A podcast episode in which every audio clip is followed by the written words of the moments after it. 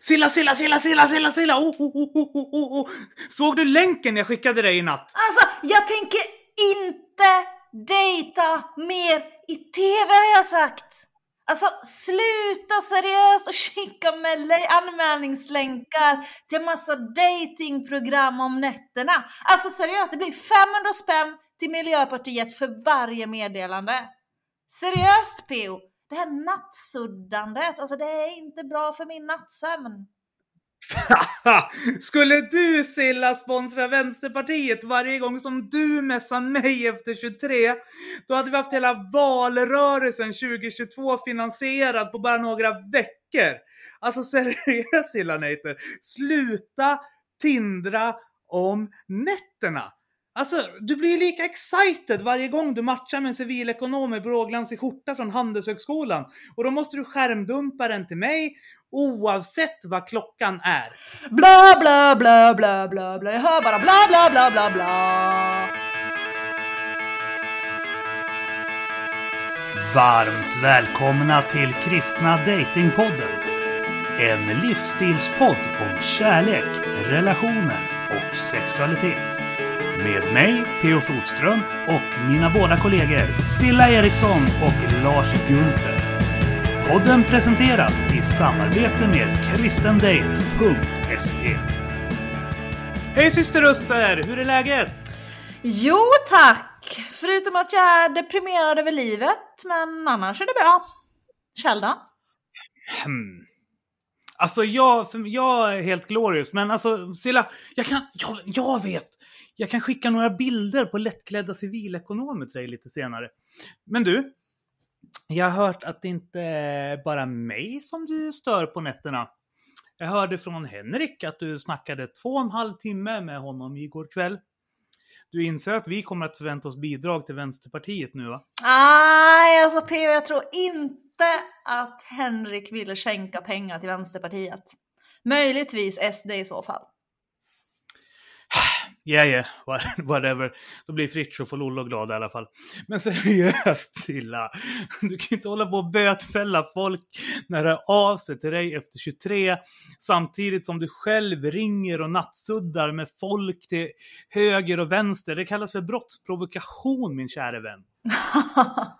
ja, nej, men det är ju verkligen till höger och vänster här. Men eh, det vi snackar om en massa spännande saker faktiskt. Alltså Henrik är verkligen en sån person som växer för varje gång man pratar med honom.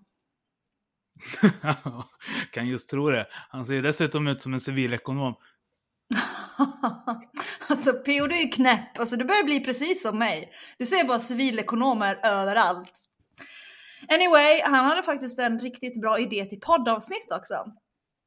Alltså Henrik är ju för övrigt väldigt rolig. Alltså, jag messade honom och frågade om jag fick nämna hans poddidé i kvällens intro.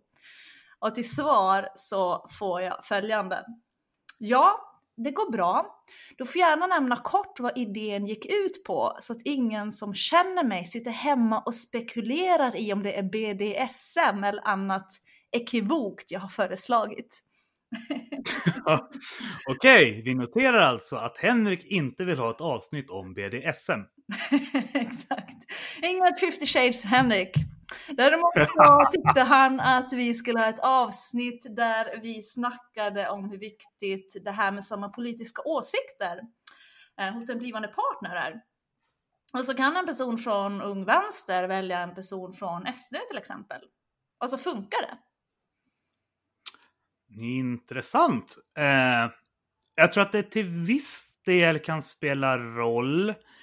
Men det beror nog på hur engagerad man är rent politiskt. Eh, om vi tar mig till exempel. Jag bryr mig inte om vilket politiskt engagemang personen har så länge den är pingstvän och kognitivt högpresterande. Men jag är inte så jätteengagerad politiskt längre. Alltså jag har inte min primära identitet i Vänsterpartiet liksom. Eh, jag tänker att det här kanske är lite samma sak Silla, som att någon som är lite mer allmänkristen kan funka med en sekulär partner, medan det vore a recipe for disaster ifall någon som är så brinnande som du skulle prova på samma sociala experiment. Mm, men alltså börja inte nu igen. Alltså hur som helst, alltså han menade så här att kvinnor i större utsträckning är mer vänsterorienterade när det kommer till politik. Uh, och jag har liksom inte tänkt på det, men alltså det kan nog stämma. Och det är också tydligen väldigt vanligt på Tinder att tjejer skriver exempelvis att ja men röstade på SD, swipa inte höger. Uh, och ska jag vara helt ärlig, jag tror aldrig att jag har stött på det på Tinder faktiskt. Alltså, det är en sjukt ohot egenskap oavsett. Eh, jag skulle aldrig tända på någon som liksom är ideologiskt borderline biopolär. Eh, alltså människor med politisk autism är för mig vad kommunister är för dig. Mm. Ja, men precis. Men du Silla, på riktigt nu. Mm. Det här verkar ju awesome ju! Vadå PO? Men länken jag skickade dig i natt! Five guys a week. Kom igen! Glorious! Men! Alltså du kan vara glorious, alltså seriöst. Skicka dem till Tess istället. Alltså jag skulle tycka det var jättespännande att se henne dejta i TV. Alltså hon är ju asrolig, alltså det skulle bli succé direkt. Uh, tänk dig när hon blir så här ensam mamma söker Tess. För hela svenska folket. Oh. ja, sure. Men alltså, Silla, jag tror fortfarande att your glory days inom tv-dating är långt ifrån över. Ah, nej, P.O. seriöst, lägg ner! Så där säger du bara för att du vet att det gynnar dig desto mer jag syns utan att du behöver anstränga dig. Pft! Alltså, det skulle bli tredje gången gilt ju! Tree is a charm! Annars kan vi alltid börja hänga mer med Jennifer. Hon är faktiskt världens bästa matchmakerska. jo du, jag kan just tro att uh, du och Miss K tycker det. Hon fick en idé i helgen om att vi ska matcha dig med Marcus från TV4 förresten. alltså, han är visserligen välrakad och har fina skjortor och så, men nej, alltså handen på hjärtat P.O. Alltså verkligen, skulle du kunna se mig tillsammans med en kille med kajal? Alltså jag är ingen sminktjej, you know. Give the man a break. Jag menar seriöst, alla är inte naturliga skönheter som du. Klart grabben ska få kajala sig om han vill. Det gjorde jag hela gymnasiet. ja, fast du är vänstermuppig och det är skillnad. Tror nog kanske att Oskarsson är mer lagd åt Feministiskt initiativ eller Miljöpartiet i så fall. Miljöpartiet? Alltså tänker du ta död på mig? Alltså mupp, mupp, mupp PO! Alltså du har fått en egen Pinky Preaching Bible av mig i julklapp. Så du kan sluta önska livet ur med att ge mig en moderat man. Men Silla, du kanske skulle ta dig en MÖP istället? MÖP? Militärt överintresserad person. Men åh, inga SD-bönder har jag ju sagt. alltså, seriöst Toppetossan, så kommer det inte att låta när du behöver någon som kan hålla dig varm om nätterna och jaga mat under dina vandringar i Alperna. Alltså, seriöst PO, alltså inga SD-bönder har jag ju sagt. Dessutom så är jag en finlandssvensk överlevnadsexpert. Jag kan skaffa min egen mat. Du däremot PO, jag är lite mer skeptisk till hur du skulle klara dig. Men det skulle bli ett riktigt bra tv-program. Alltså jag tar med dig till fjällen och så lär jag dig hur man jagar, fiskar och överlever i naturen. Alltså jag tror Doris, alltså hon skulle älska det här. Dessutom så är det ju du och inte jag faktiskt som är stereotyper av en stadssvensk, som Fritiof brukar säga. Eh, blir typ som en tv-version av Johan Vanlås serie En bratt i skogen. Alltså kom igen alltså, det blir kul! Doris behöver lite fjälluft och hon gillade mig dessutom. ja, det tror jag säkert hon skulle. Men alltså Silla, du kan få låna Doris. Så stannar jag i mitt dalaspa där jag kan ha det lugnt och skönt och titta på stjärnorna. Men P.O. du bor ju i en svensk storstad och innan dess i Örebro och jävlar så du vet ju inte ens hur en kärnhimmel ser ut. Alltså belysningen från våra storstäder blockar typ ut över 90% av stjärnhimlen. Nej, tacka vet jag gul, äh, Gulle Midi. Där kan man säkert se i varje fall 20-30% av stjärnorna. Den krispiga vinternatten.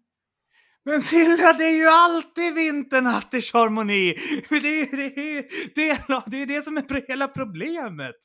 Alltså, men gud vad du är tråkig! Alltså du har ju ormfobi, du skulle ju ändå aldrig liksom våga åka till, våga åka till Sahara som är det liksom enda andra stället där stadens belysning inte bländar ut mer än halva upplevelsen.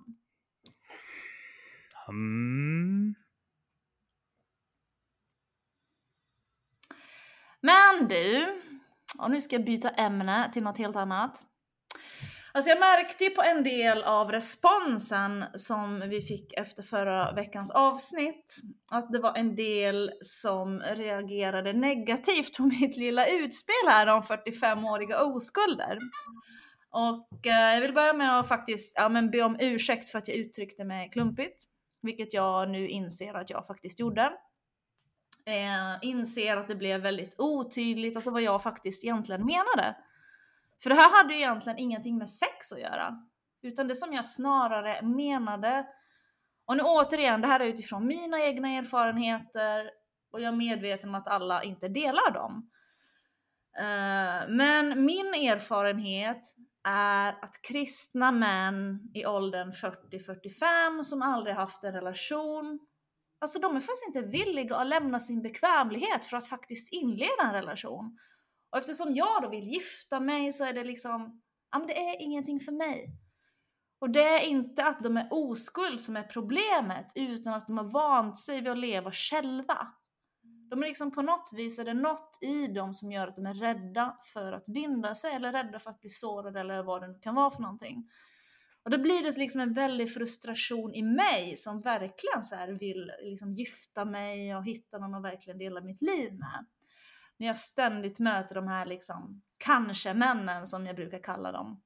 De här männen som vill ha en lite på lillfingret när det passar dem, men de är inte så villiga att ingå i en seriös relation. Men lite underhållning och närhet när det passar, det går bra. Mm, jo, men alltså, absolut, alltså jag fattar också att det blir frustrerande för dig. Jag menar, du är ju verkligen ingen lillfingertjej. Du är ju en extra allt-tjej. Eh, och jag tycker verkligen inte att du ska nöja dig med mindre än en kille som förstår dig och liksom ger dig den uppskattning du förtjänar. Glorious living, helikopter, extra allt. Men alltså kanske män. Eh, är, det så här, är de icke-binära eller vilken av de här 38 könsidentiteterna är de här kanske-männen har? Jag, alltså du skickade mig en artikel som handlade om det här med kanske-männen. Men jag har inte hunnit läsa den. Alltså, är det hens eller är det att de dejtar kvinnor men aldrig vill bli Nej, alltså det, det här är alltså heterosexuella män. Uh, alltså mycket, mycket, mycket intressant artikel som liksom kopplar ihop det här med ekonomi med dating. Och de menar liksom att utbudet är så högt och därför så behöver liksom kvinnor som lever med kanske-män ställa högre krav. Fast å andra sidan ställs det krav på männen finns ju då risken att de lämnar. Och lämnar männen så blir ju kvinnorna ensamma. Och priset man behöver betala för att få det man vill ha är alltså att riskera att lämnas ensam. Om alternativet då blir ensamhet så är en relation med en kanske man ändå kanske inte så dum. Och det är Kjell det som jag har varit fast i många gånger. Hmm. Alltså, ja, jag vet. Oh, jag vet. Vi borde kanske skicka de här männen på terapi. Eh, vi kan ju starta ett företag, Glorious Therapy, del ja! av Glorious Living Enterprise Group. det låter dessutom som att Fritiof har rätt om det här då det kommer till hypergami som han ofta pratar om. Eh, Tess har också spekulerat i liknande banor. Jag tror att vi kanske ska bjuda in dem båda snart för att grotta ner oss i det här ämnet. Min kompis Luna brukar också prata en hel del om manskultur om en manskultur som har fastnat på biltema i någon form av förväxt tonåringskap. Och det låter ju som att de här kanske-männen är någon form av så här förväxta tonåringar. Hon kanske kommer på eh, vår nyårsfest till förresten. Så det kommer bli askul att se hur du och hon och Tess går in i ett rant-mood. Förhoppningsvis så får ni inte med Miss K på eran liksom så här alla män är dumma huvud-rant. Det skulle kännas jobbigt. Men... alltså seriöst, alltså. Vad anser fröken K om att du har bjudit in en professionell strippa till ert första nyår tillsammans? alltså Miss K är ju så sjukt öppensinnad person, vilket är bara så här så sjukt hot! Ibland, måste jag gå ut och springa ett varv runt huset och ta en kalldusch bara för att jag tänker på henne. På Miss K alltså, inte på Lina. alltså du måste sluta lyssna, lyssna på Olof, annars kommer du bli förkyld. Dessutom Silla, alltså Luna är ju inte sitt jobb lika lite som du eller jag är vårt jobb. Eh, Luna är en sjukt spännande person. Hon är socionom och datingcoach också. Ni kommer att gilla varandra, det vet jag. ja du, jag tror dig. Alltså det ska bli jätteintressant att snacka om män med en kvinna som Luna. Alltså faktiskt, det ser jag fram emot. Men eh, min insikt här det är liksom att har man levt själv i 40-45 år och man inte har vågat committa sig till en annan människa så kommer den personen förmodligen inte att våga med mig heller. Och det är ju därför då som jag hellre träffar någon som är chill. För den personen har ju faktiskt ändå liksom vågat committa sig till en annan människa och har då alltså förmågan till det. Hmm. Alltså, intressanta reflektioner Silla, men jag är inte alls säker på att jag håller med dig, men, men kör! Alltså så här. Så länge du träffar någon, någon, en bra kille som är snäll mot dig, ger dig lintkulor, äger en helikopter och som kan göra dig lycklig, då är jag nöjd. Ah, nu ljuger du PO! Vadå Silla? Alltså, du skulle bli sjukt missnöjd om jag ringde och sa att jag börjat dejta Christer Sturemark, hur snäll han än må vara. Ah, fast alltså det ingår i konceptet med att vara en bra kille, att han är pingstvän. Så att den hade jag redan täckt upp. ja, ja, whatever. Du förresten, till något annat PO. Vem är den här Per Granberg? Alltså han har skickat en länk till vår mail som heter En annorlunda julsaga, Vinylmaster Remix. Alltså lyssnade på den, alltså sjukt deprim deprimerande snubbe. Fast grymt bra låt. Alltså han sjöng så här om hur Jesus nog inte är helt nöjd med vad vi den protestantiska västvärlden har gjort av en högtid. Eh, vi firar till åminnelsen av hans födelse. Alltså även om det aldrig i den kristna traditionen påståtts att han är född på julafton, Alltså den romersk-katolska kyrkan approprierade den hedniska högtiden för att underlätta inkulturationen av kristendomen i det romerska imperiet. Jo, men ja, men absolut, så är det ju Silla. Eh, även i Sverige är det vi förknippar med julen väldigt integrerat med vår förkristna hedniska kultur. Men alltså, för, för egen del så är inte det här en grej. Alltså personligen kan jag bli ganska trött på så här överpretentiösa och lagiska personer som tror att det bor demoner i varenda jultomte. Även ifall det inte är en moderat-tomte där även jag kan misstänka att det finns någon ond andemark. Men jag tänker i termer om att så här, folkliga hedniska traditioner, eller jag tänkte så, men alltså de här personerna som har den här negativa inställningen till att fira julen folkligt, så som vi gör i den svenska traditionen, de tänker att allt som inte hedrar eller pekar mot Gud är haram. Eh, och, för, och, för, mig blir alltså så här, det blir väldigt mycket religion av ett sånt förhållningssätt. Alltså så här, en kristen motsvarighet till sharia, alltså så här, not so hot. Men ifall det behöver det för att få sina kristna liv att fungera så är det ingenting som jag har några synpunkter på. Men det är lite som vi har snackat om förut gällande dina bröst. Eller att äka, äta anklever och champagne. Så tror jag det är viktigt att ha en generositet mot varandra och inte liksom skapa ett fariseiskt kollektivt moralsystem. ja, mina bröst ja. Alltså jag har ju faktiskt märkt att jag inte ens behöver visa dem för att få mina bröder på fall. Alltså det räcker med att käka middag med några vänner och ta kort på det för att göra folk provocerade. Alltså seriöst PO, alltså jag är inte gjord för att leva själv. Alltså det är lätt för folk med partner och barn eller introverta människor utan liksom behov av mänskligt umgänge att liksom sitta och moralisera över singelhushåll. Men alltså vi människor kommer med olika förutsättningar, you know. Och jag har faktiskt skrivit en debattartikel om frågan till dagens plantskola, Petrusakademin. Uh, Världen idag meddelade förresten idag att de vill publicera den så att jag gör faktiskt premiär på Världen idags debattsida här inom kort. Woo! Var du produktiv Silla? I'm impressed! Ja, Världen men idag gör er redo för The Sillanator! ja men du med Pio, verkligen. Alltså, jag måste verkligen säga att din senaste artikel om kvinnans roll i församlingen på Dagen Opinion, den var faktiskt sjukt bra. Enkel, rakt på sak, inte en massa så här, teologiska svåra mupputtryck som man måste sitta med en ordbok för att förstå vad ni menar. Alltså seriöst, hälften av dina artiklar måste jag liksom så här googla för att förstå vad du menar. Men den här var faktiskt sjukt bra skriven, så heja dig PO! Mm. um, alltså... eh, mm, Vad är det nu PO? Shoot! Alltså, jag vet inte om jag vill erkänna det här offentligt nu efter att du har sagt sådär, men det är! Andreas, det är Andreas Skogholm som har skrivit typ så här 75-80% av artikeln. Och sen skrev Dagens Nya opinionsredaktör, opinionsredaktör Eva Skog om typ minst 20% av den och det var 90% av mina 20% hon skrev om innan den gick till tryck. Så. alltså du borde verkligen börja lyssna mer på Frida Park. Pft! Du brukar säga att du gillar när jag pimpar dina artiklar. Pimpar jag, inte gör dem obegripliga. Alltså i hälften av fallen försöker du ju smyga in en massa så här muppiga teologskämt som bara dina ALT-polare och de som hänger i, i Blast of the Cheesemakers fattar. Passar inte riktigt min lite mer raka och okomplicerade kommunikationsstil.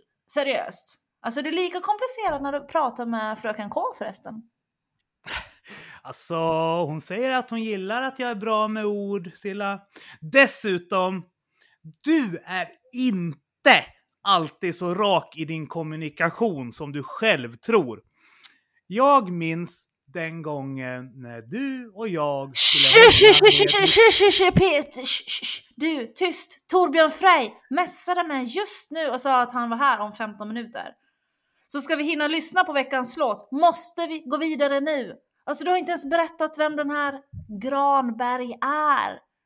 Noterade faktiskt dock att hans jullåt, utöver att handla om Jesus, också tog upp det här om corona och hur man drabbar, eller hur coronan liksom drabbar singelhushållen så här i restriktionstider. Ja, men precis. Vi kan lyssna på den och se vad du tycker. Eller ja, du har ju redan lyssnat på den uppenbarligen. Men vi kan se vad våra lyssnare tycker. Jag hoppas att de kommer tycka den är jätteglorious, för det tycker jag. Ja. Så luta er tillbaka och lyssna på Karta 77s senaste julhit. En annorlunda julsaga.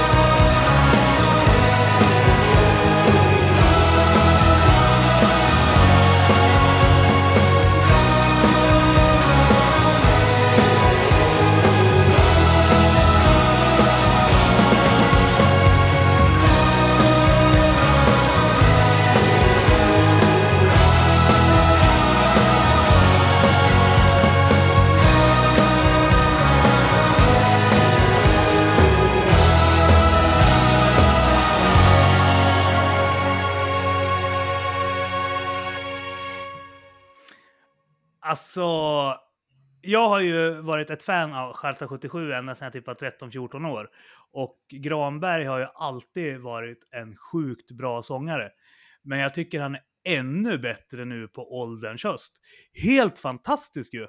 Även om det kanske är lite mer oborstad stil än den som kanske till exempel Mats Sternand och Frank Ådahl representerar.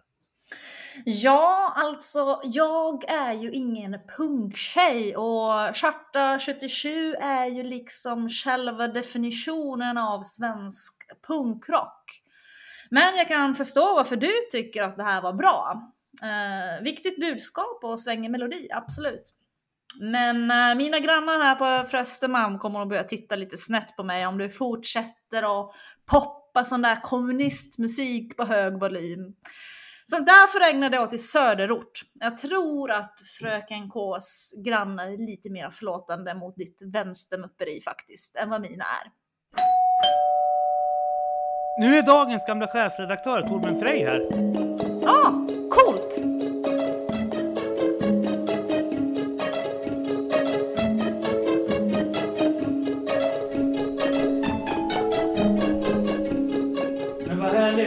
vi alltså här med Torbjörn Frey. Torbjörn, det här är ju första gången du och jag träffas. Men, Ja. men det känns som att så här, hänga med en gammal kompis. Det här har jag ju sagt till flera av våra gäster. Men så här, jag och Torbjörn, vi har ju så här suttit och skrivit debattartiklar tillsammans på Dagen Opinion och sånt där. Är det sant? Ja, Visst? ja.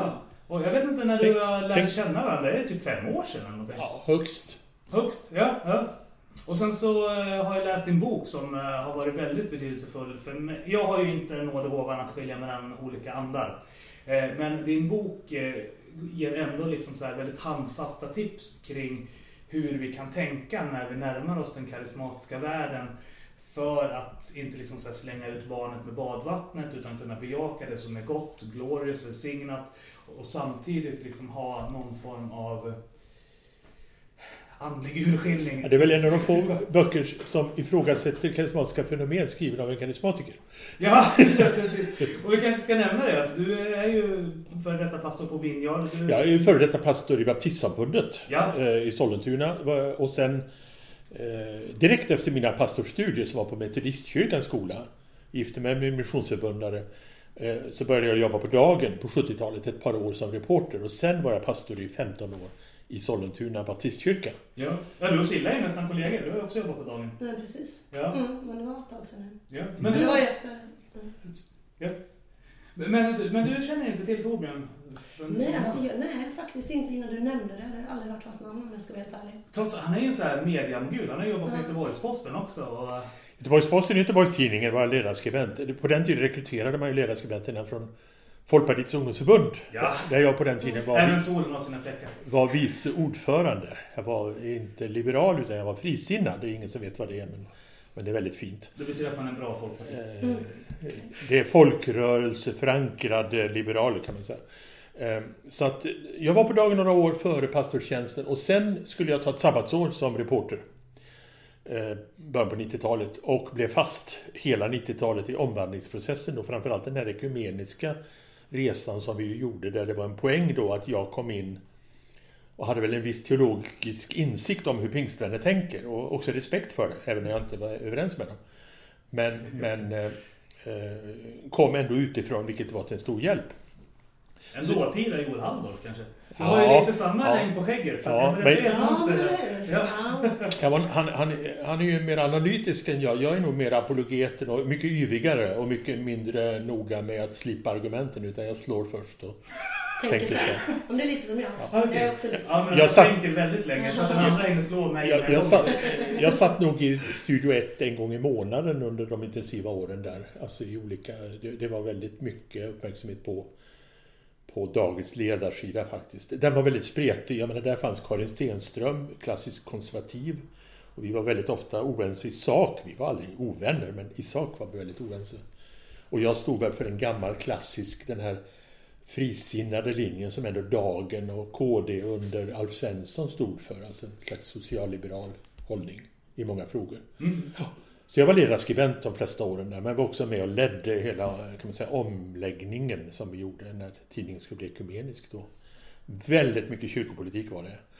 Eh, och eh, det gällde att kunna prata med pingstpastorer och med andra samfund. Och prata med Ulf Ekman ena dagen och KG Hammar andra dagen, och ärkebiskopen då. Och båda var ju lika sura på oss. Och då kände väl jag att då ligger vi väl ganska bra i mitten.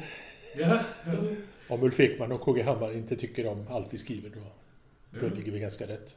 Men idag Torbjörn, så är du här för att prata om ett av Sillas favoritämnen. Du är lite trött, för vi, jag lurade ju dig till att sitta uppe och ha bibelstudier till tre natt. Så att du är inte helt extra allt. Men Precis. vi tänkte att om jag bjuder hit Torbjörn och Mhm. han får prata om något som du brinner väldigt starkt för så kanske du blir lite piggare. Ja, Ja, så Silla, vad tror du att vi ska prata om? vi ska snacka om par. Ja! Ja! Ja! Som är en svensk förkortning av ett grekiskt ord. Pornonoia. Pornografeia. Ja, pornografi. Ja, Just det. Eh, alltså en sjökoskrift eh, har översatts i litteraturen till, vilket är väldigt konstigt. Men porneia är ju det grekiska ordet som ofta översätts otukt i Nya Testamentet då. Otukt var ju då sex utanför ramarna då eh, i, i den judiska kontexten. Men idag så är ju eh, pornografi ett ganska entydigt begrepp, eller så är det inte det då, för att vad är erotisk konst? Eh, ska vi göra som ryssen i Norge? Ni vet ryssen, det är strax innan man tar studenten så är man ute och festar i röda mössor. Och då var det en natt som de klädde på hela Vigelandsparkens alla statyer kräpppappersbaddräkter. För de var ju nakna. Det var ju osedligt. Och det där hade ju kunnat bli en skandal för att om det hade regnat den natten så hade de här kräppappren liksom färgat av sig på Vigelandsstatyerna. Men, men det, det är lite grann utav problematiken. Va? Alltså vad är god erotisk konst? Eh, Och för en då porrmissbrukare så kan ju vanlig normal erotisk konst eh, vara problematisk. Väldigt problematisk. Men eh, du har ju en bakgrund där du har haft ett porrmissbruk. Jag är en nykter sexmissbrukare. Ja, kan inte du berätta Ungefär lite som kort? nykter alkoholist brukar säga. Eh, Om jag, ska ta den korta versionen så kan man säga att i, i, i tio års åldern så dog min pappa. Han dog i arbetsnarkomani utav, utav en, ett ett slag, slaganfall, på väg till en predikouppdrag. Han var alkoholistbarn. Han träffade aldrig farfar. Eh, så pappa hade någon slags inneboende eh, jakt efter sin far och efter varje alkoholist som han skulle rädda. Jag tror att pappa räddade 200 personer kanske. Både som evangelist och socialarbetare. Han var skyddskonsulent och så. Fram i tonåren så blev då det som kan vara ganska normal upptäckt för en 14-åring. Nämligen upptäcka det vi kallar porr idag. Det går ju inte att jämföra. Det där var ju söndagsskolporr. Det där var ju det, det var ju bröstbilder kanske på, på snygga badflickor. Inte bara anorektiska utan faktiskt ganska normala kroppar. Eh, Fibaktuellt lektyr blev det så småningom. Men för min del, och, och jag kan ju bara prata för mig själv, så känner jag igen mig när alkoholisten berättar om sin första sup. En del alkoholister har ju druckit och blivit mer och mer slarviga, så efter tio år är de plötsligt alkoholister. Men så har jag alkoholistvänner som vid sin första smuttande som 11-åring så visste han att nu är jag hemma. Nu, nu, nu är det homerun. Jag har hittat det. det. Det här är himlen. Eh, Vi har en av våra ledare i, i det arbete som jag jobbar i, Celebrate Recovery. Som jag, jag kan förklara det strax. Det är en kristet tolvstegsarbete. Men, men för min del var det så att jag blev beroende omedelbart. Alltså jag blev hooked. Och eh, eftersom varje missbrukssjukdom, eller det är väl en och samma, beroendesjukdomen, är progressiv. Alltså, man behöver dricka mer och mer alkohol med tiden och så, så, så, så blir man mer och mer vågad. Så att jag hamnade ju också då i massagesalonger och annat.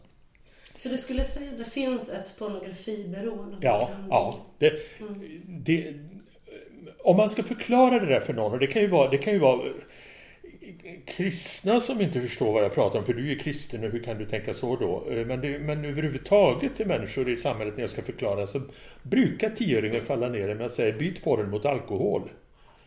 Eh, För att där har vi idag en sån stor insikt och förståelse utav alkoholism, hur det här fungerar. Alltså, du kan byta drog Ta alla nyktra alkoholister som går upp i vikt därför att de börjar äta för mycket socker. Det är ganska vanligt, välkänt inom A.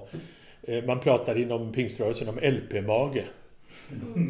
LP-mage, det, det, man kan ju bygga en LP-mage med öl under sin alkoholism, det är ju lätt. Men om man är heroinist eh, och tanig och sen blir nykter så är det klart att då måste man ge hjärnan något bränsle då blir det mycket socker. Så att beroendesjukdomen är lömsk och kan ta sig olika uttryck och man kan byta drog. Så jag utvecklade ju ett porrberoende som övergick och blev ett, ett sexmissbruk då. Blev avslöjad 2000, alltså långt fram i livet. Då är jag alltså 50 år då. Eh, 51 till och med. Då blev jag avslöjad och uthängd offentligt och man kan väl säga utan, utan att ta lätt på det ska man ju säga i efterhand att det var egentligen kanske det viktigaste och bästa som har hänt på ett sätt. För det, det kunde inte bli värre sen. Och eftersom då min fru då säger till mig att nu kommer du att påstå att det här inte handlar om oss och det fattar jag att det inte gör, säger hon. Men det påverkar mig ganska mycket, så gör något. Det här accepterar jag inte. Det här är ju sjukt, säger hon. Men visste din fru om det? Ja, hon visste ju, om, visste ju om en viss grad av porrberoende och att det här var en känslig punkt och att jag kunde åka på återfall. Men att det, att det hade utvecklats så progressivt och så, det var ju något som jag inte stod i spegeln och erkände för mig själv. Alltså, det, det, är- det är ju ofta i den här krascharna, när man kommer till vägs ände, nå botten säger A. Och nå botten i A, det är inte att hamna på en parkbänk som uteliggare. Det är att komma till en punkt där levern börjar krångla, där, där hjärtat börjar, blodtrycket börjar krångla, eh, familjen börjar klaga på att, att jag inte är närvarande för jag sitter halvberusad vid måltiderna. Alltså nå botten i att komma till vägs ände och inse att så här kan jag inte hålla på. Eh, och det, är- det är ju det viktigaste som kan hända. För mig var det väl ganska brutalt. Och jag kan i efterhand säga att jag hade ju inte varit så här öppen om det om inte jag hade hängts ut. Så att på ett sätt har det gjort livet lättare för mig. Alltså, jag får se till så att jag inte pratar för mycket. Eh, jag måste vara rädd om mig själv, jag måste vara rädd om min familj. Men, men eh, det är på ett sätt bekvämare att veta att ja, det har varit uttänkt förut. Och jag har ju talat ut till och med i dagen om det. Så att eh, det är inte så mycket att hymla med. Så att jag är en nykter sexmissbrukare. Men alltså hur var det att bli uthängd? Jag tänker det är en ganska stor och känslig sak att bli Ja, det är uthängd. bara hur, hur, hur var liksom känslan kring det? Nej, men alltså det är ju totalt... Jag blev ju liksom omedelbart sjukskriven. Jag var psyk, sjukskriven av psykiatrin i åtta månader. För, för ak, ak, akut krisutlöst depression. Och det är ingen vanlig depression i klinisk mening. Alltså jag var ju inte depressiv i, i allmänhet, utan det var ju... Det var, det var ju krisutlöst, det var den här krisen. Så det var ju, det var ju oerhört. Men det var på något sätt så, och det, det här hade folk svårt i kyrkan. Jag var ju med i Vineyard. Jag var ju till och med pastor i Vineyard, även om jag inte var anställd pastor. Och där var det många som hade svårt att se då att jag efter fyra, fem veckor dyker upp i gudstjänsten och står och sjunger med i lovsången. Inte i lovsångsteamet där framme, men jag står där nere och tillber Gud liksom. Men hur kan du göra det din gris? Ungefär va? Och då var det en av dem som gick till pastorn och sa jag tycker det är så svårt att se Torbjörn i lovsången här. Ja, jag kan förstå dig, sa han, men kan du och jag komma hit nästa söndag om vi ska tänka så? Och, det var bra den, och den här killen liksom, oj!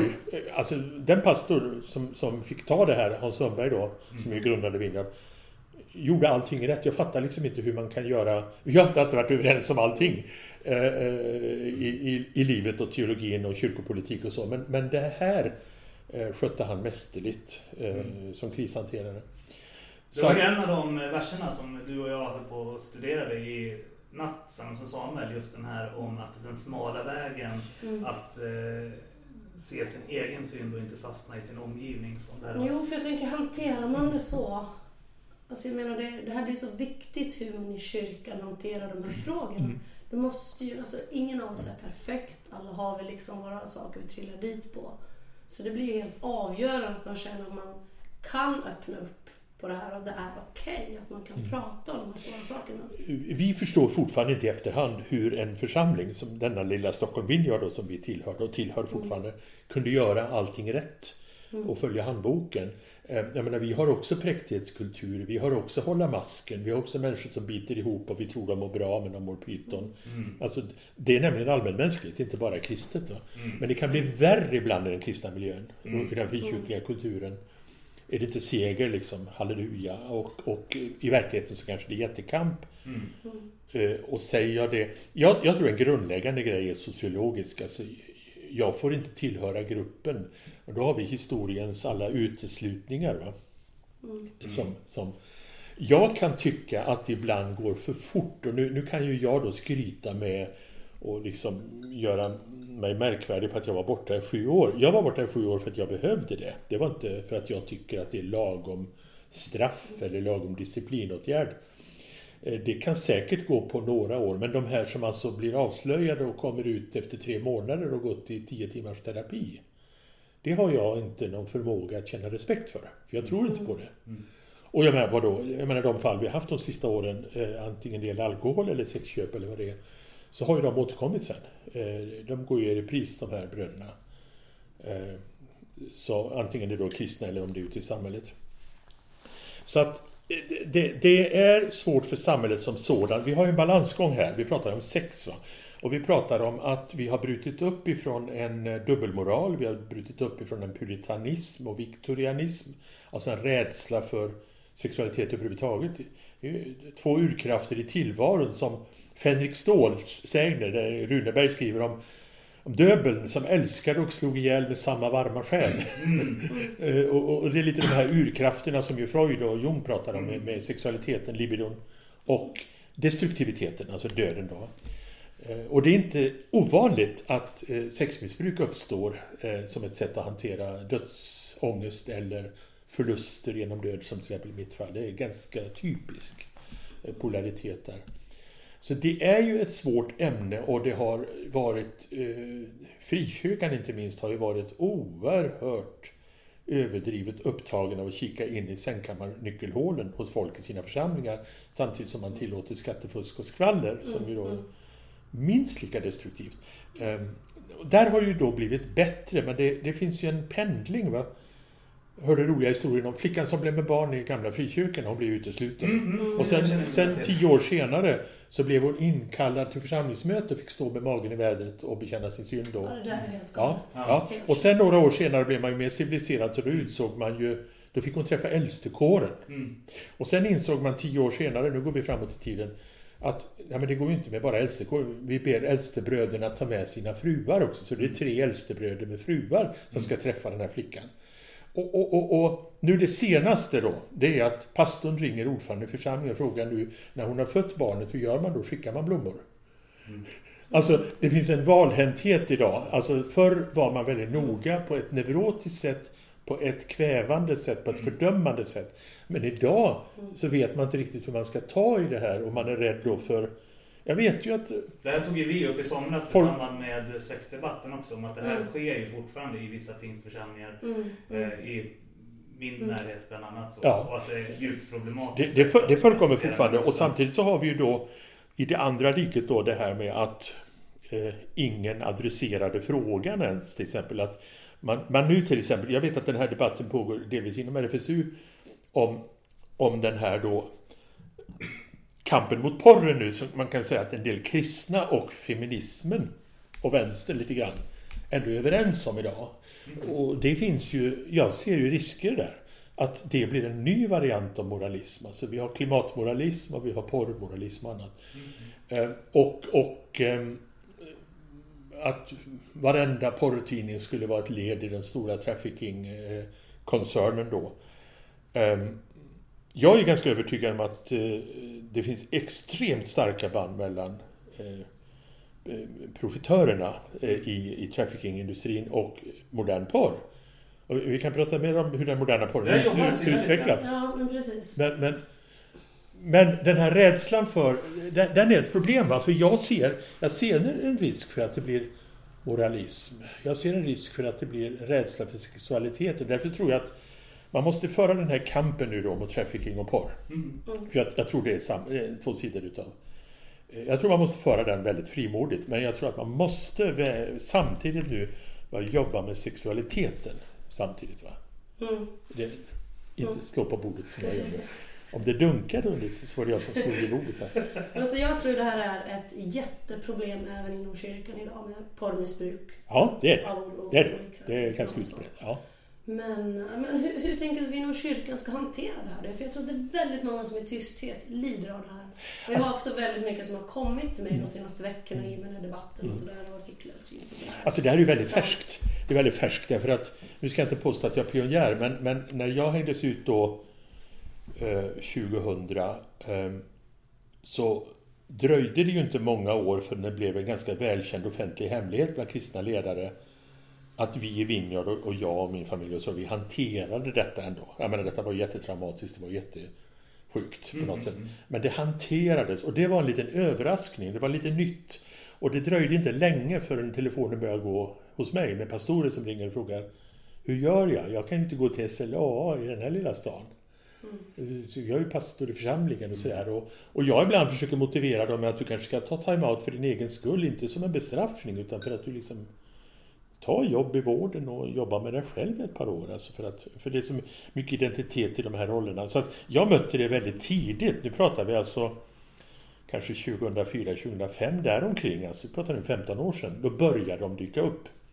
Sen hände det historiskt också att en präst på Fryshuset, Ulrika Stigberg då, jag har faktiskt hennes bok Ja. Titta, skriver en, bok, skriver en bok ihop med Maria Alin. Precis, den håller jag precis på att. Ja, här. och, och, och Ulrika skriver den här utifrån sitt möte med ungdomar på Fryshuset. Och Maria, Maria i sitt arbete då.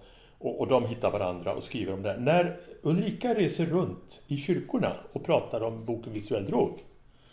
Då kommer männen fram, smyger sig fram i pausen och säger jag är fast i det där.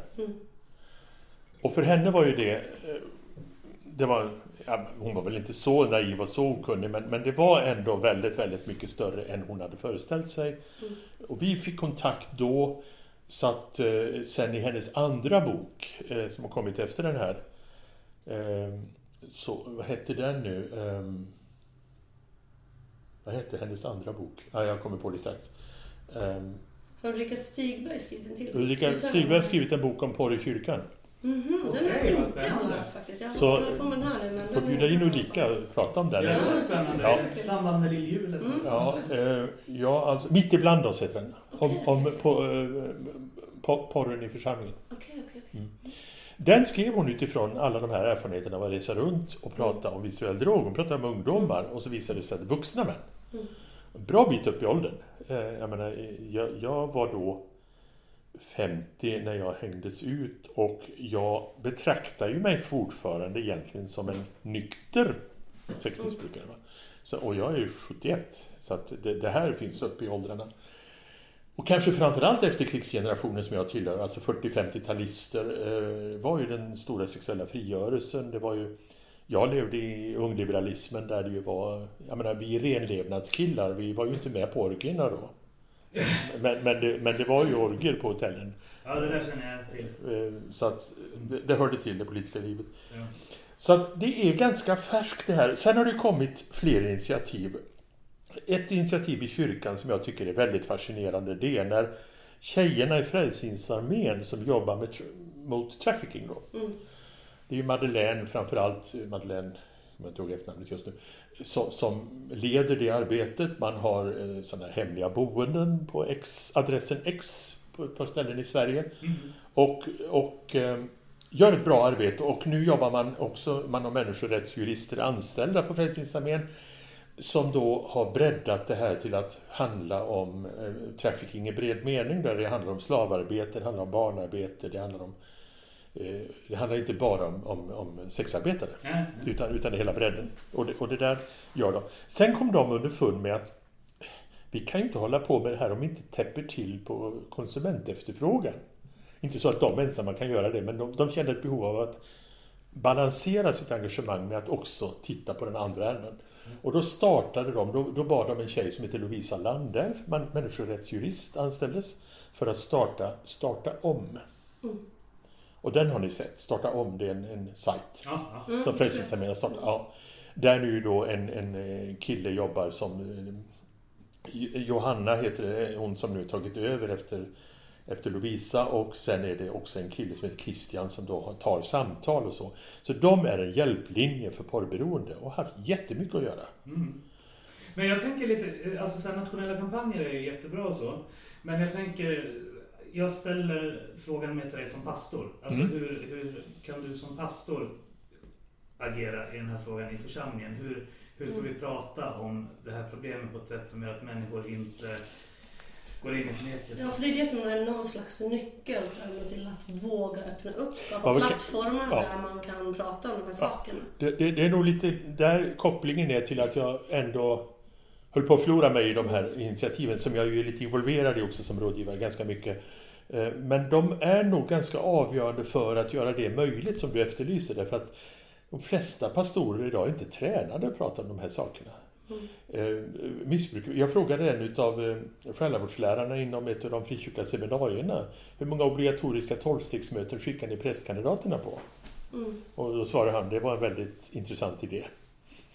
För det gör de ju inte. Däremot så går man på studiebesök på begravningsbyråerna och tittar på en svepning. Och det är ju jättebra att man har sett ett lik innan man ska stötta en familj Mm. som pastor. Men, men det här finns inte. Alltså, det, har kommit in en del nu. Eh, Det har gjorts en del på Johannelund. eh, Det finns en dialog i ALT. Och det, det, det, det är på väg in. Jag vet att de på THS också har jobbat en del med det. Men det blir på ganska så distans. Alltså en handfast pastoral träning i att hantera de här ämnena.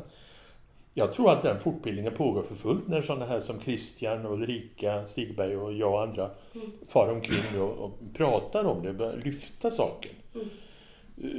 Alltså vad jag gör eh, när någon kommer, de kommer kanske för att fråga om de kan få komma för bikt. Den här porrberoende då, mannen då. Han är 17 eller han är 47, det är ingen större skillnad egentligen annat än att det är mera ingrott naturligtvis som 47-åring. Men när han kommer då så, det jag ju, det jag ju ganska direkt eh, försöker fokusera på det är ju missbruksmekanismen. Alltså visst kan du få bekänna synd, för synd är ju allt som är självupptaget. Alltså det, det, det finns alltid synder att bekänna och du kan få en avlösning. Jag, menar, jag är ganska strikt högkyrklig när det gäller bikt då. Jag, jag, jag, jag låter nog som en katolik då. Det, det är väldigt formellt. Ja, men det är väldigt formellt och det är väldigt tydligt. Och det är väldigt tydligt att du får en avlösning. Och det är den absoluta tystnadsplikten. Jag, jag har inte ens anmälnings... Jag följer inte ens anmälningsplikt och sånt eftersom jag har tystnadsrätt i domstol som pastor. Va? Så jag följer den absoluta bikthemligheten. Det är alltid en lättnad och det kan alltid lätta trycket men det botar inte missbrukssjukdomen.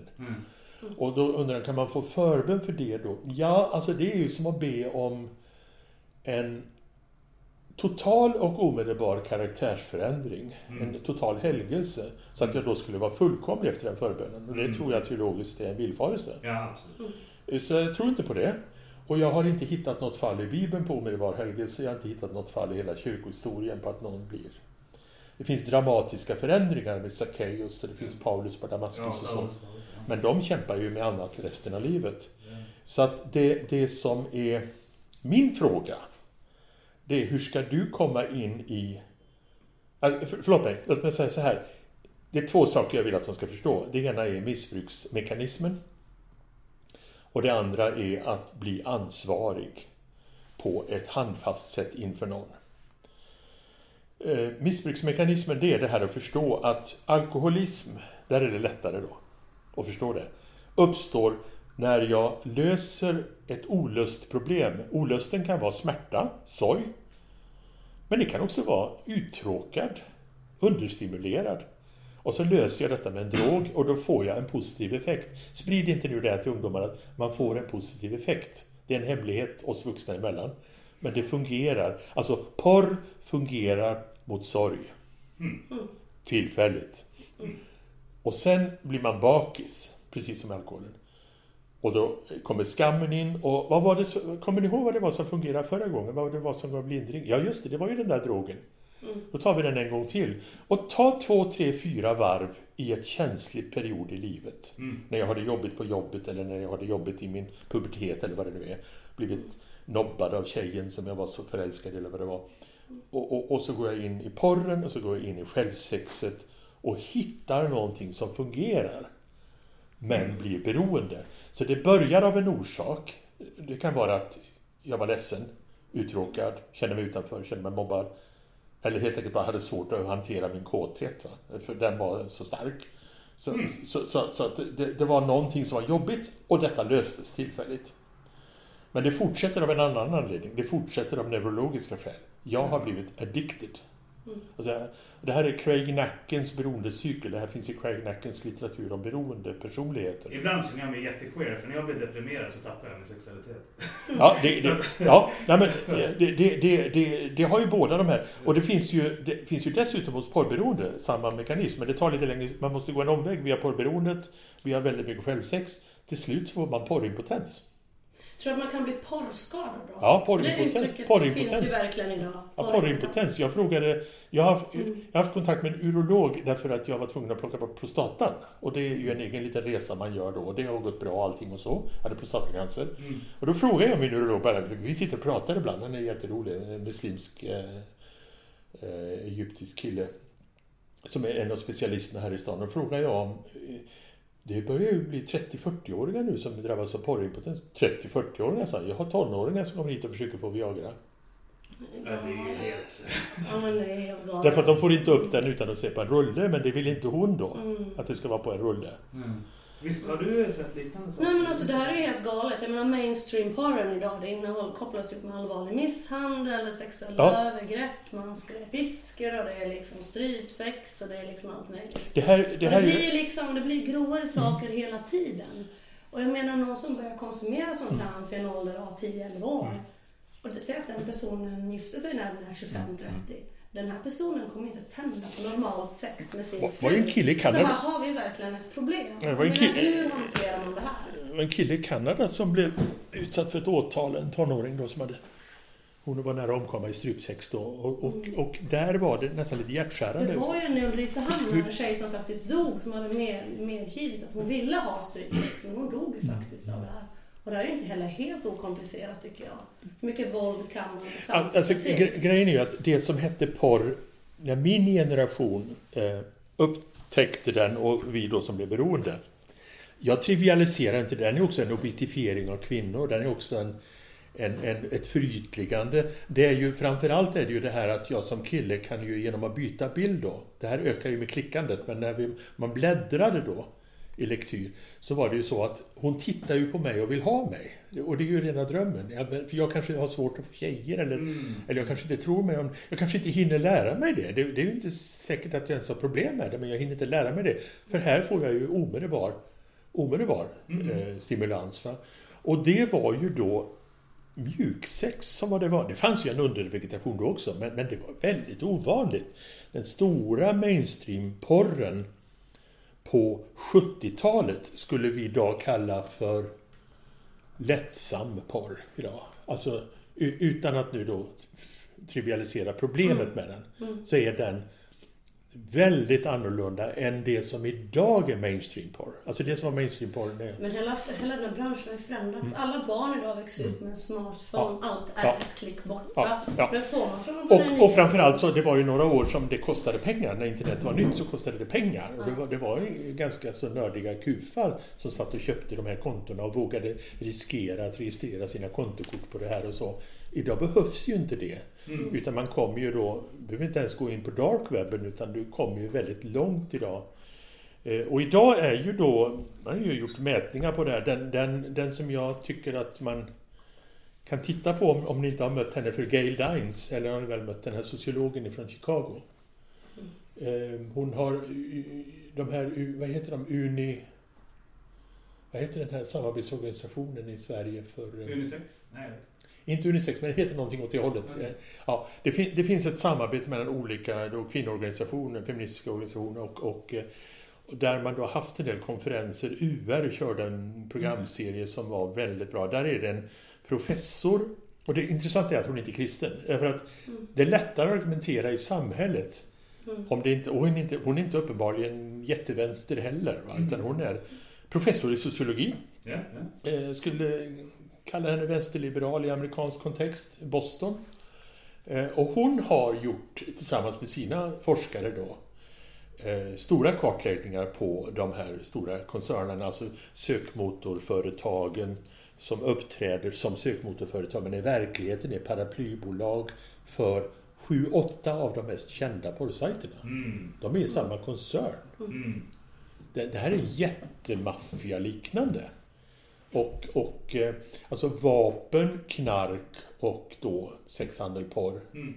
Och väldigt förknippat då. Och då är det ju så här, sambandet, om man, om man vill ha ett enkelt samband mellan porr och trafficking så kan man väl säga så här att för det första så en del av de här tjejerna som börjar med att sälja sin bild, sälja sin, sin nakenhet på bild, har ju ett mindre steg att sälja sig, eh, sälja sin kropp. Det steget blir ju mindre när man har sålt sig på bild. Eh, om man dess, dessutom inte mår bra då, vad, vad sa du? Foot in the door. Det är Ja, en ja, ja, säljteknik. precis. Och sen är det också så här att konsumenten som har köpt en bild Mm. har ju lättare att köpa en kropp. Så att det, det, därför, sen finns det samband i pengar och i ekonomiska intressen i det här som är ganska starka. Mm. Eh, follow the money säger alltid FBI och det, det kan man göra här.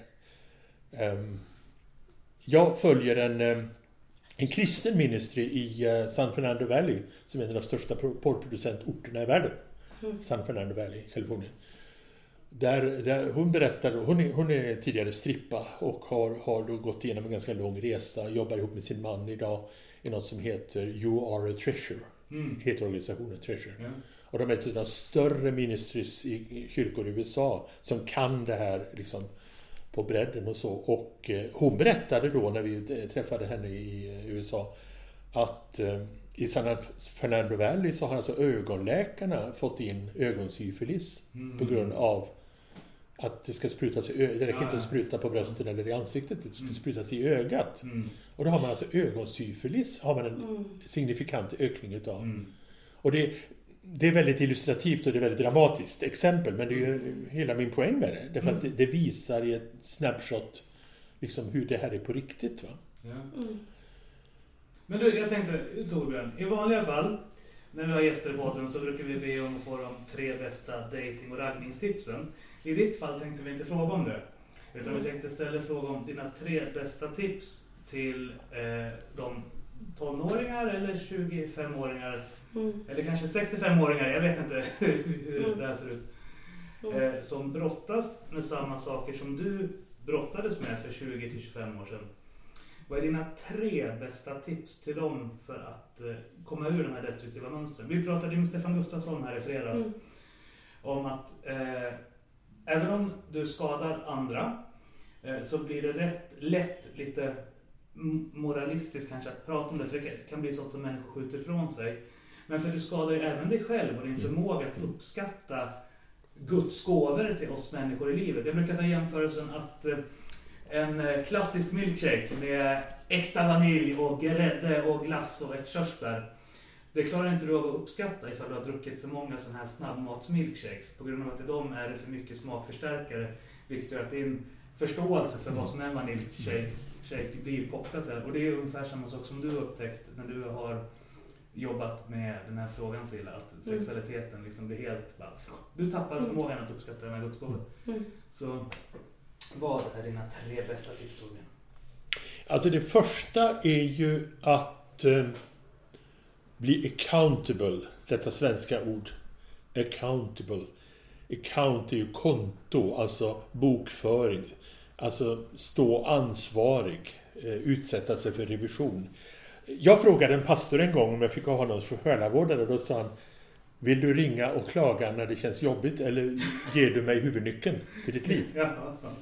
Alltså, får, får jag komma och fråga, är det okej med det här nu som vi pratat om? Eller? Mhm. Naturligtvis inte inför publik, men, Nej, nej, men när vi är själva så. Ja. Och det var, det var väldigt, väldigt, väldigt smart fråga. Väldigt, väldigt bra fråga.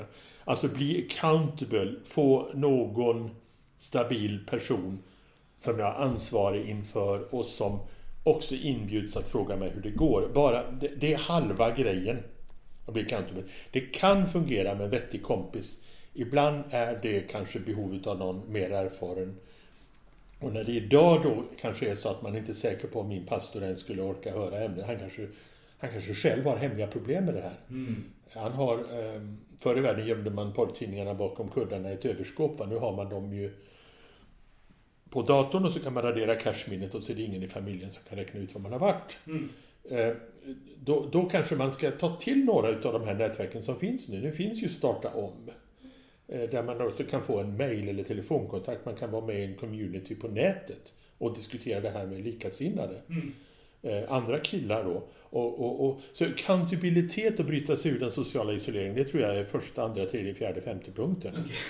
Eh, och sen så kan det ju vanlig själavård kan ju vara bra. Eh, vanlig eh, fysiskt omhändertagande, alltså till exempel eh, om det då är gym eller sjukgymnastik eller vad det är. Eh, för min del så var det faktiskt en, del, en viktig del i mitt tillfrisknande det var att jag gick på massa timmar taktil beröring. Jag hade taktilterapeut, alltså det är massage utan massage. Det är Be- baby, babymassage för vuxna. Alltså man stryker på huden. Man masserar inte musklerna, man stryker på huden. Och första två, tre gångerna var det ju så skönt så att det var snuskigt. Det var ju jättejobbigt.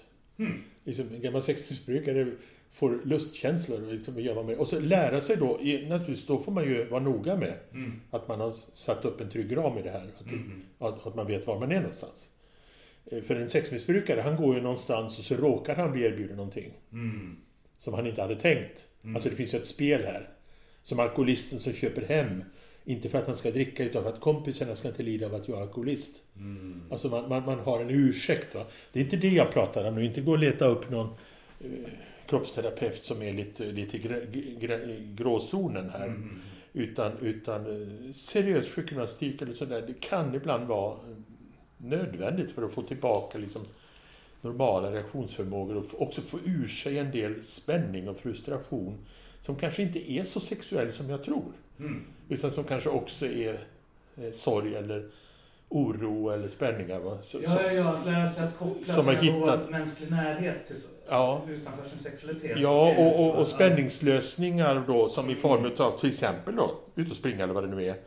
Det finns ju en, en idrottsanorexi. Man kan ju, man kan ju byta porrberoende mot, mot ett joggberoende som blir neurotiskt. Jag pratar ju inte om den överdriften nu.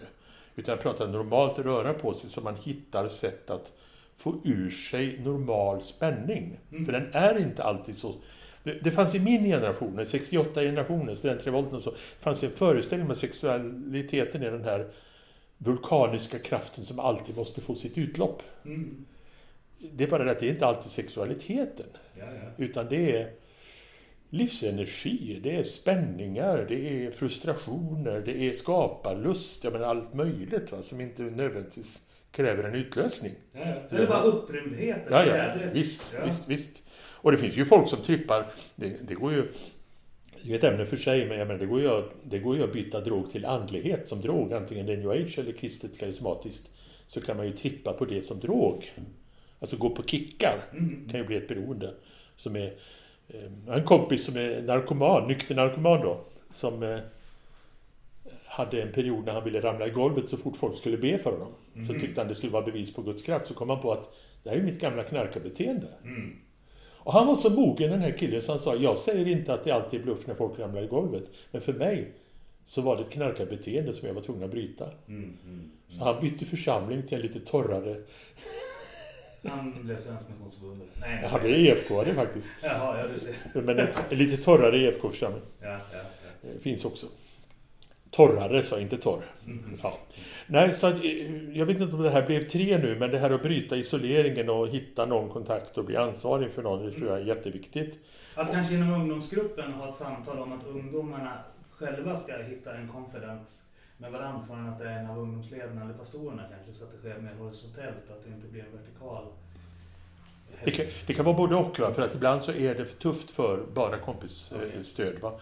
Och det gäller ju då att ledarna är rustade för att kunna bedöma det här och kunna få igång det här. Alltså, det här tror jag återstår.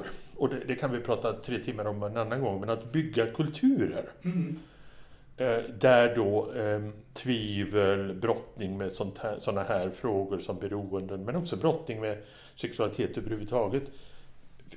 Att vi hittar sätt att hantera det utan att hamna i puritanismen, som är sexualförnekande, eller i gränslösheten. Va? Hur gör vi det? Ja, alltså det? Jag har inget enkelt svar på det. Det är en av sakerna jag brottas mycket med nu. Hur bygger vi kulturer? För att det här är inte teologiskt beroende. Jag har ju trott då att det i mera bibelkonservativa och karismatiska miljöer ska vara svårare att hantera det här. Men jag hör ju då när jag pratar med folk i Svenska kyrkan och Equmeniakyrkan som, som inte hela Equmeniakyrkan men på vissa delar av den kan befinna sig på en lite liberalare kant. Ja, ja. De har ju precis samma sociala regler om präktighet och hålla masken, välutbildade akademiker som, som kör en yta och inte alls kan erkänna för varandra hur kämpigt det är. Jag frågade Olle Karlsson, det här som jobbar med Contempel och, med, ja. med, och han känner ju igen problematiken. Ja, ja. Men den tar sig, han har ju dessutom bakgrund i pingst så han kan ju koderna. Ja. Men den tar sig bara nya uttryck. I, I den här lite mera då kan man säga, eh, lite mera humanistiskt orienterade och världsbejakande miljön. Så det där, det där tror jag är en jättefråga. Alltså så att vi inte nu får en bekännelseväckelse där man ska upp och tävla om att berätta hur mycket porr man har konsumerat i kyrkorna och eh, det ska... Utan att det sker i den personliga. Ja, ja, och det sker. Alltså, vi pratar ju dessutom om någonting som ju är ganska intimt. Eh, Vi pratar om sex som ju ska helst utövas utan kläder. Mhm. Och inte i offentligheten och Mm. inte med ens med någon i nyckelhålet. Mhm. Och ska det liksom bli vad det ska vara, Mm. då, då måste vi hitta sätt att prata om det som man liksom inte... Jag kommer ihåg... Jag tror han gick i fjärde klass och de skulle ha sexualundervisning. Det här var våra flickor i skolan, men det var inte den klassen. Då har de skickat runt ett pessar Mm. bland de här fjärdeklassarna. Och då säger en av killarna när det kommer till honom. Fröken, jag är för ung för det här. jag tycker det var så moget utav en Ja, ja, 11-åring. visst. Och så att, det är väl bra att han får veta sådana saker men han kände det kletigt. Ja, ja. Så det här det är en jätteutmaning att hitta kultur för det. Mhm. Ja, men Silla, har du några frågor med till Torbjörn? Ja, nej, jag har jättemycket frågor men det känns som tiden börjar rinna ut här så att vi kanske får ta tillbaka Torbjörn helt enkelt. Vi Ja, det, ja, det kanske är bättre vi Mm. gör så. Ja, för att våra lyssnare här i Mm. Stockholmstrakten, de blir uttråkade. Attention span. Attention span. I Dalarna så har vi lite mer längre Mm. attention span. Mm. Men eh, Torbjörn, jag och Silla har en liten tradition här i Ja. podden som Silla får introducera dig till. Vi brukar ge alla våra lyssnare en stor puss och kram. Så vi tycker det vore jätteroligt Torbjörn om du ville vara med på den här. Okej. Så då önskar vi alla våra lyssnare en stor puss och kram! Jag tror Torbjörn var bäst utöver Elise hittills. Hjärtligt tack för att ni har lyssnat på Kristna Datingpodden. En livsstilspodd med Theo Flodström, Cela Eriksson och Lars Gunther. I samarbete med kristendate.se.